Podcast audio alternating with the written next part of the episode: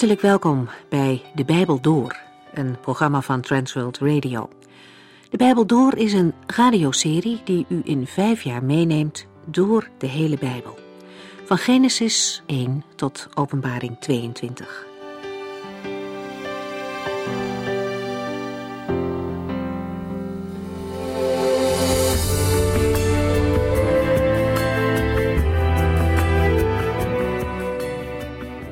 In onze vorige uitzending hebben we Psalm 31 gelezen. Een individuele klaagpsalm van David. Klaagzangen behoren tot de oudste literaire vormen ter wereld. Er is een belangrijk verschil tussen klaagpsalmen en klaagzangen. In een klaagzang wordt gerouwd over een voldongen feit. En bij klaagpsalmen is er nog geen sprake van onomkeerbare gebeurtenissen en is er nog hoop dat de Heere het tij zal keren. De klaagpsalmen worden onderverdeeld in individuele en gemeenschappelijke. Het is overigens niet zo dat klaagpsalmen alleen maar zorg en moeite beschrijven. Problemen worden afgewisseld met het zingen vol vertrouwen in Gods kracht en met lofprijzing. In Psalm 31 wordt twee keer eenzelfde hoofdlijn gevolgd. David begint met een klaaggebed, dan spreekt hij zijn vertrouwen uit en tot slot dankt hij voor de verlossing. In het tweede deel volgt hij nog eens deze drie punten. David spreekt in deze psalm zijn volledige vertrouwen in de Heere uit. Ik leg mijn leven in uw handen. Dat is een prachtige uitdrukking van complete overgave. De Heer Jezus haalt deze woorden zelf aan wanneer Hij aan het kruis hangt. Vader, in uw handen leg ik mijn geest. Dat is geen fatalisme, maar een onvoorwaardelijk vertrouwen in de Heere God. Een vertrouwen dat over de dood heen gaat. In vers 6 neemt het lied een wending en dankt David voor de verlossing. Het gaat hier echter nog om een toekomstige bevrijding. In geloof dankt hij daar nu al voor. Zo groot is zijn vertrouwen dat de Heere zou antwoorden. Maar ineens schakelt David weer over en dan stort hij zijn hart uit vol nood en moeite. Ja, zo heen en weer kan het gaan in het leven. En in dat alles blijft de Heere de onwankelbare rots, de enige die redding biedt. Voor David en vele gelovigen is het soms een worsteling, maar zoals hij in Psalm 31 zegt, toch is mijn vertrouwen op u gevestigd, Heere. Ik spreek het ook tegen u uit. U bent mijn God en u bepaalt hoe lang ik leef. We lezen verder in Psalm 32.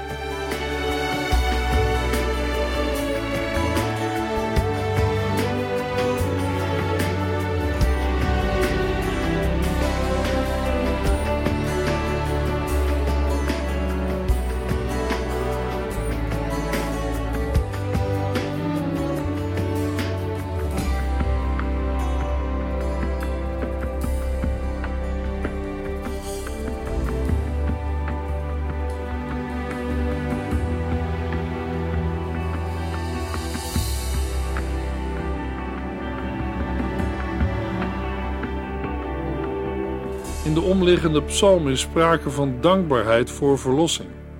En dat is ook in Psalm 32 het geval. Het gaat in Psalm 32 om verlossing uit diepe ellende als gevolg van zonde. De dichter getuigt van vergeving die de Heer hem heeft geschonken op zijn schuldbeleidenis. Het opschrift wijst David aan als auteur. Op grond daarvan brengen sommige uitleggers de psalm in verband met Davids zonde met Bathseba, waarbij Psalm 32 dan chronologisch gezien zou volgen op Psalm 51, waar David om vergeving vraagt. Maar er is niets in de tekst van Psalm 32 dat een dergelijk verband aannemelijk maakt. Door andere uitleggers wordt er terecht op gewezen dat in de situatie met Bathseba David door Nathans profetie tot inkeer kwam en niet zozeer door een innerlijke kwelling, waarover we in vers 3 en 4 lezen. Psalm 32 wordt meestal getypeerd als een individuele dankpsalm, al zijn er ook duidelijke kenmerken van de wijsheidspsalmen, zoals de zaligspreking waarmee Psalm 32 opent en de onderwijzing over de levensweg in de versen 8 en 9. We vinden in Psalm 32 de volgende opbouw. Na een zaligspreking in de versen 1 en 2 getuigt de dichter in de versen 3 tot en met 5 van de vergeving die hij na het beleiden van zijn zonde heeft ontvangen. Zijn getuigenis loopt in de versen 6 en 7 uit op een aansporing tot gebed en lofprijzing. Het tweede deel van de psalm bestaat uit een onderwijzing, de versen 8 tot en met 10, en sluit af met vers 11, waarin alle gelovigen worden opgeroepen om blij te zijn in de Heere en hem een loflied te zingen. Psalm 32, vers 1 en 2. Een leerzaam gedicht van David. Gelukkig is hij wiens misstap vergeven wordt en wiens zonde vergeten worden. Gelukkig is hij aan wie de Heere zijn zonde niet toerekent en wiens innerlijk eerlijk en oprecht is. Naast de vermelding van het auteurschap van David, typeert het opschrift van de psalm, psalm 32, als een leerzaam gedicht. De woordbetekenis van het Hebreeuwse woord is onzeker en is gebaseerd op een afleiding van een werkwoord dat onder meer inzicht hebben betekent. In andere vertalingen lezen we ook vaak een onderwijzing van David. Het komt in Psalm 32 voor het eerst voor in het Bijbelboek Psalmen. Na het opschrift opent Psalm 32 met een zaligspreking. Gelukkig of welzalig is hij, wiens misstap vergeven wordt en wiens zonde vergeten worden. Rijk gezegend is de mens, wie de Heere de ongerechtigheid niet toerekent. De verschillende begrippen die in de parallelle zinnen voor zonde en vergeving worden gebruikt, geven de zaligspreking een allesomvattend karakter. Het onderstreept hoe groot de schuld is en hoe rijk de vergeving is die in Psalm 32 wordt bezongen. De zaligspreking heeft dan ook een dankbare en blijde toon. De slotzin van de zaligspreking in vers 2 omschrijft zo'n gezegend mens als iemand wiens innerlijk eerlijk en oprecht is. In het licht van Psalm 32 als geheel moeten we daarbij niet zozeer denken aan iemand die zelfs in het diepst van zijn wezen nooit zondigt, maar aan iemand die tegenover de Heere open en eerlijk is over zijn leven en over zijn innerlijke motieven. Iemand die zijn zonde en schuld niet verdoezelt of verbergt, maar eerlijk en oprecht aan de Heere beleidt. Als de dichter in de volgende verse zijn eigen getuigenis geeft, wordt duidelijk dat de zaligspreking aan het begin van deze psalm meer is dan een algemene uitspraak. De dichter spreekt uit eigen ervaring. Daarnaast heeft hij ook ondervonden dat de Heere zijn schuldbeleidenis heeft beantwoord met vergeving. Psalm 32, vers 3 tot en met 5. Zolang ik mijn zonde niet beleed, kwijnde ik weg. Ik was de hele dag tot tranen toe bewogen. Dag en nacht voelde ik hoe u tot mijn geweten sprak. Ik schrompelde in elkaar als bij grote hitte. Toen heb ik al mijn zonden beleden en niets voor u verborgen gehouden. Ik zei: Ik zal de Heere alles opbiechten, en toen hebt u mijn schuld vergeven. Na de zaligspreking bezinkt de dichter wat hij zelf heeft ervaren. Hij vertelt hoe zwaar het lijden op hem drukte in de tijd dat hij zijn zonde niet beleed, maar ze voor zich hield in het verborgene. Uit vergelijking met vers 5 blijkt dat het gaat om een bewust verzwijgen, dat wil zeggen het niet beleiden van zonden. David zegt in vers 4: Dag en nacht voelde ik hoe u tot mijn geweten sprak. Daarmee omschrijft de dichter een lijden als gevolg van Gods toorn. In vers 5 vinden we een ommekeer. In al zijn worstelingen en innerlijke strijd komt verandering. Uitgedrukt in vers 5 met het woordje toen. Toen heb ik al mijn zonden beleden en niets voor u verborgen gehouden. Ik zei: Ik zal de Heere alles opbiechten. En toen hebt u mijn schuld vergeven. Net als in de openingsversen van Psalm 32 wekt het gebruik van verschillende parallelle zinnen een veelomvattende indruk.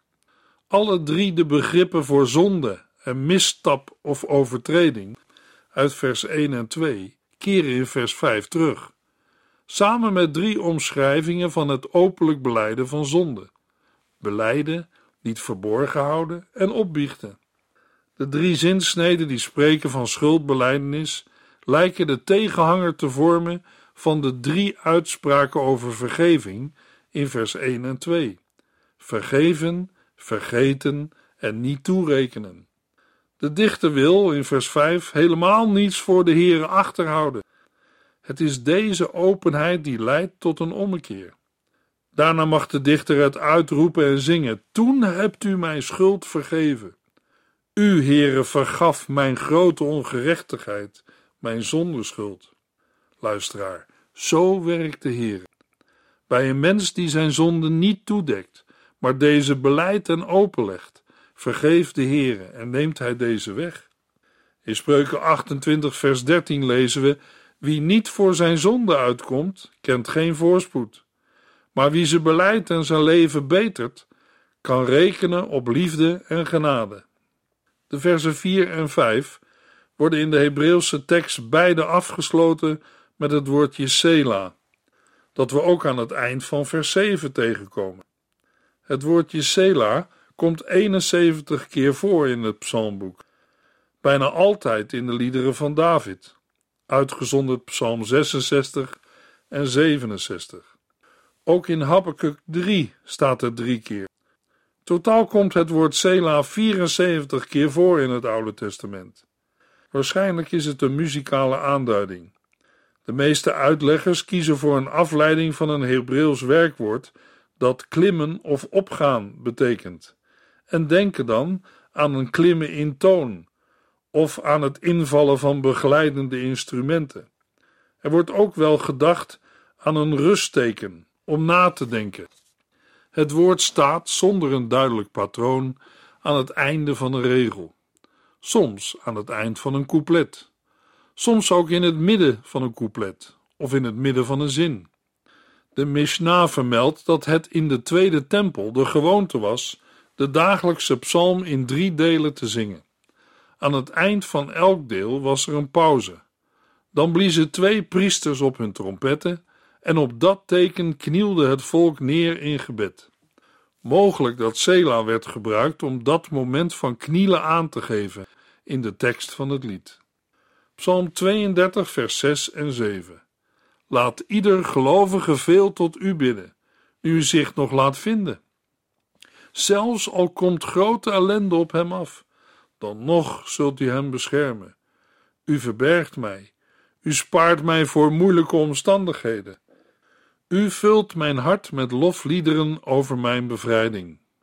Hoewel vers 6 en 7 aansluiten bij vers 5 en strikt genomen als een gebed tot de Heere worden uitgesproken, vormen deze twee versen indirect een aansporing voor de gemeenschap. Deze gemeenschap wordt ook in vers 11 aangesproken met alle gelovigen. Blijkbaar is de dichter niet alleen, maar bevindt hij zich in een gemeenschap van gelovigen. In vers 6 bidt hij dat allen die toegewijd zijn aan de Heere vrijmoedig tot hem zullen bidden.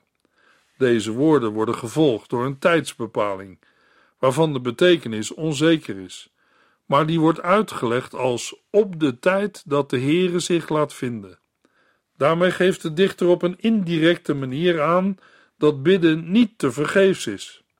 We kunnen deze woorden ook opvatten in de zin van in de tijd van benauwdheid, dat wil zeggen als een gelovige in nood verkeert. Iemand die zo de Heere zoekt, is te alle tijden veilig. Zelfs al komt grote ellende op hem af, dan nog zult u hem beschermen. Daarom beleidt de dichter opnieuw, in meer persoonlijke woorden, dat de Heere zijn schuilplaats is, die hem bewaart voor moeilijke omstandigheden. Grote ellende mag dan als een woeste zee op hem afkomen, maar dan is daar toch de Heere om hem te beschermen. U vult mijn hart met lofliederen over mijn bevrijding. Het beeld laat zich goed uitleggen als een overwinningsroep. De Heere die als machtige overwinnaar de zijne van alle kanten beschermt. Psalm 32, vers 8 tot en met 10. Ik, de Heere, laat u zien welke weg u moet gaan. Ik geef u raad en houd mijn oog op u gericht. Gedraag u dus niet als een paard of een muildier, dat met bit en teugels in bedwang moet worden gehouden. Dat wil ik niet. Iemand die zonder God leeft, krijgt veel zorg en moeite te verduren. Maar wie op de Heere vertrouwt, wordt door zijn liefde en goedheid omringd. Dan volgt een onderwijzing die een duidelijk wijsheidskarakter draagt. Zowel de spreker als de aangesprokenen worden vermeld in het enkelvoud. Maar wie zijn zij? Vooral vanwege de woorden: Ik geef u raad en houd mijn oog op u gericht, ligt het voor de hand dat het woord gevoerd wordt door de Heere zelf, of uitgaande van de cultische context van de psalmen, een tempeldienaar die namens hem spreekt. De aangesprokene is dan de psalmist, die hier zijn beleidend gebed tot de Heere beantwoord ziet. De Heere belooft de psalmist te onderrichten, hem te onderwijzen in de weg die hij moet gaan en hem raad te geven. Ook zal de Heere zijn oog op hem houden. Deze laatste woorden verzekeren van Gods nabijheid en bescherming bij het wandelen op de weg van de Heere. In vers 9 wordt de dichter en de gemeenschap door de Heere opgeroepen niet te zijn als een paard of als een muildier dat met bit en toom in bedwang moet worden gehouden. Het beeld vormt een aansporing tot gehoorzaamheid. Wees niet koppig, maar blijf dicht bij de Heere, zodat hij je niet met harde hand moet corrigeren, zoals bij David het geval was. In het licht van de eerste helft van Psalm 32 houdt dit concreet in dat iemand bij besef van zonde niet moet aarzelen deze aan de Heere te beleiden. De onderwijzing wordt in vers 10 afgerond met een algemene wijsheidsspreuk, die wat betreft inhoud en stijl overeenkomsten vertoont met het Bijbelboek Spreuken. Een goddeloze of iemand die zonder God leeft, krijgt veel zorgen en moeite te verduren. Maar wie op de Heere vertrouwt, wordt door zijn liefde en goedheid omringd. Die liefde omvat ook zijn vergeving. Psalm 32, vers 11. Wees blij in de Heere en zing een loflied, alle gelovigen. Laten alle die oprecht tegenover God staan het uitjubelen. De psalm sluit af met een oproep aan de verzamelde gemeenschap, aangeduid als alle gelovigen, zich in de Heere te verheugen en voor de Heere te juichen. De rechtvaardige of gelovige is in het Oude en Nieuwe Testament niet iemand die zondeloos is, maar iemand die in de juiste verhouding tot de Heere staat. Het is synoniem met iemand die met God leeft, met als tegenstelling iemand die zonder God leeft, uit vers 10. Zo vindt de zaligspreking uit de openingsverse zijn weerklank in de gemeenschap, die zich verheugt over de genade en vergeving van de Heere.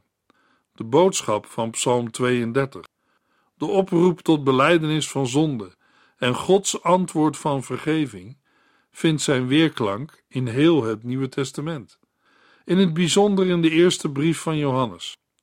De apostel Paulus citeert de eerste twee versen van Psalm 32 in Romeinen 4 en brengt deze direct in verband met Genesis 15, vers 6, waar gezegd wordt dat Abraham op God vertrouwde en daarom beschouwde God hem als een rechtvaardig mens.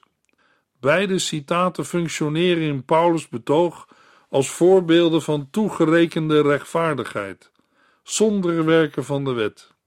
In Romeinen 4 maakt Paulus ook duidelijk dat er op dit punt geen verschil is tussen besneden en onbesneden zijn.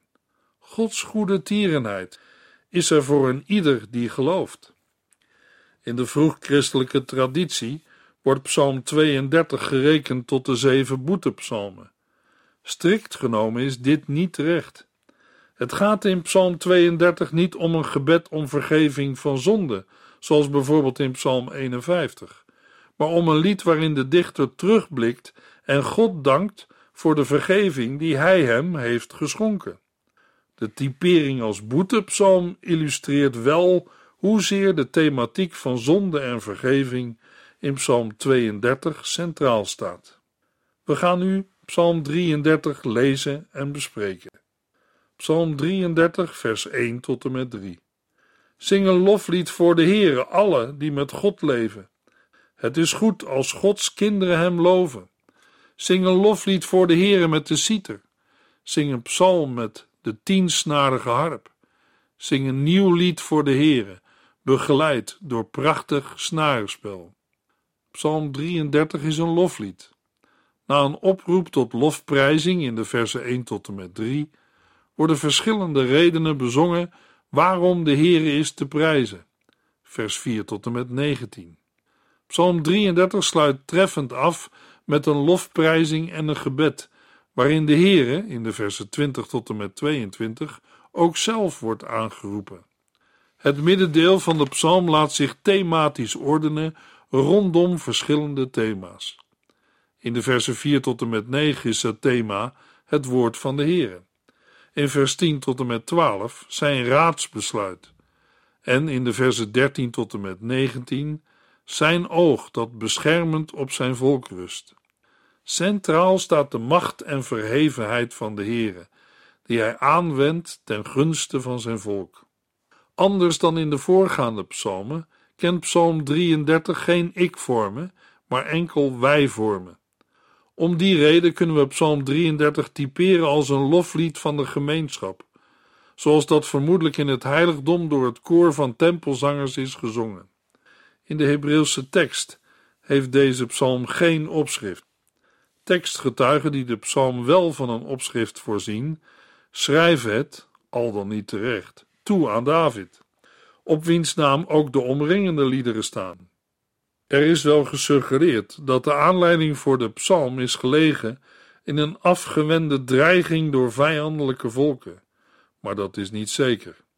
Psalm 33 opent met een drievoudige oproep tot lofprijzing van de Heere. Allen die met God leven, zijn degenen die de Heere vrezen en op hem vertrouwen.